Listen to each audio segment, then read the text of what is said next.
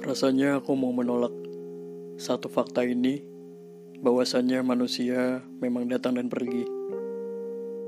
Suatu takdir yang berat sekali bagi dua manusia yang sudah dipertemukan, dan dengan dia kita merasa nyaman, merasa dicintai, lalu dipisahkan. Tapi Tuhan merencanakan suatu pertemuan, pasti tidak dengan tujuan yang sia-sia. Entah kamu yang mau ubah hidup aku, atau aku yang mau ubah hidup kamu. Aku juga mau sama kamu selamanya. Cuman aku ingat bahwa semuanya memang ada masanya. Entah dipisahkan oleh maut atau takdir jalan yang lain.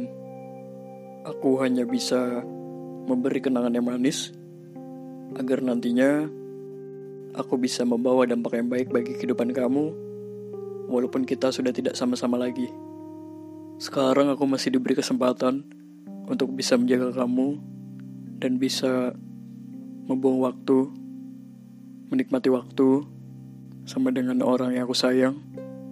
Aku ingin menikmati dengan sebaik-baiknya. Nemenin kamu nugas, ngasih dongeng sebelum kamu tidur, nemenin kamu naik kereta, bertanya tentang hari-hari yang telah kamu jalani, dan menyadarkan kamu bahwa kamu memang luar biasa. Ini adalah hal-hal yang membuat aku bahagia, tapi tidak menutup kemungkinan bahwa mungkin hal-hal ini yang akan aku rindukan nantinya.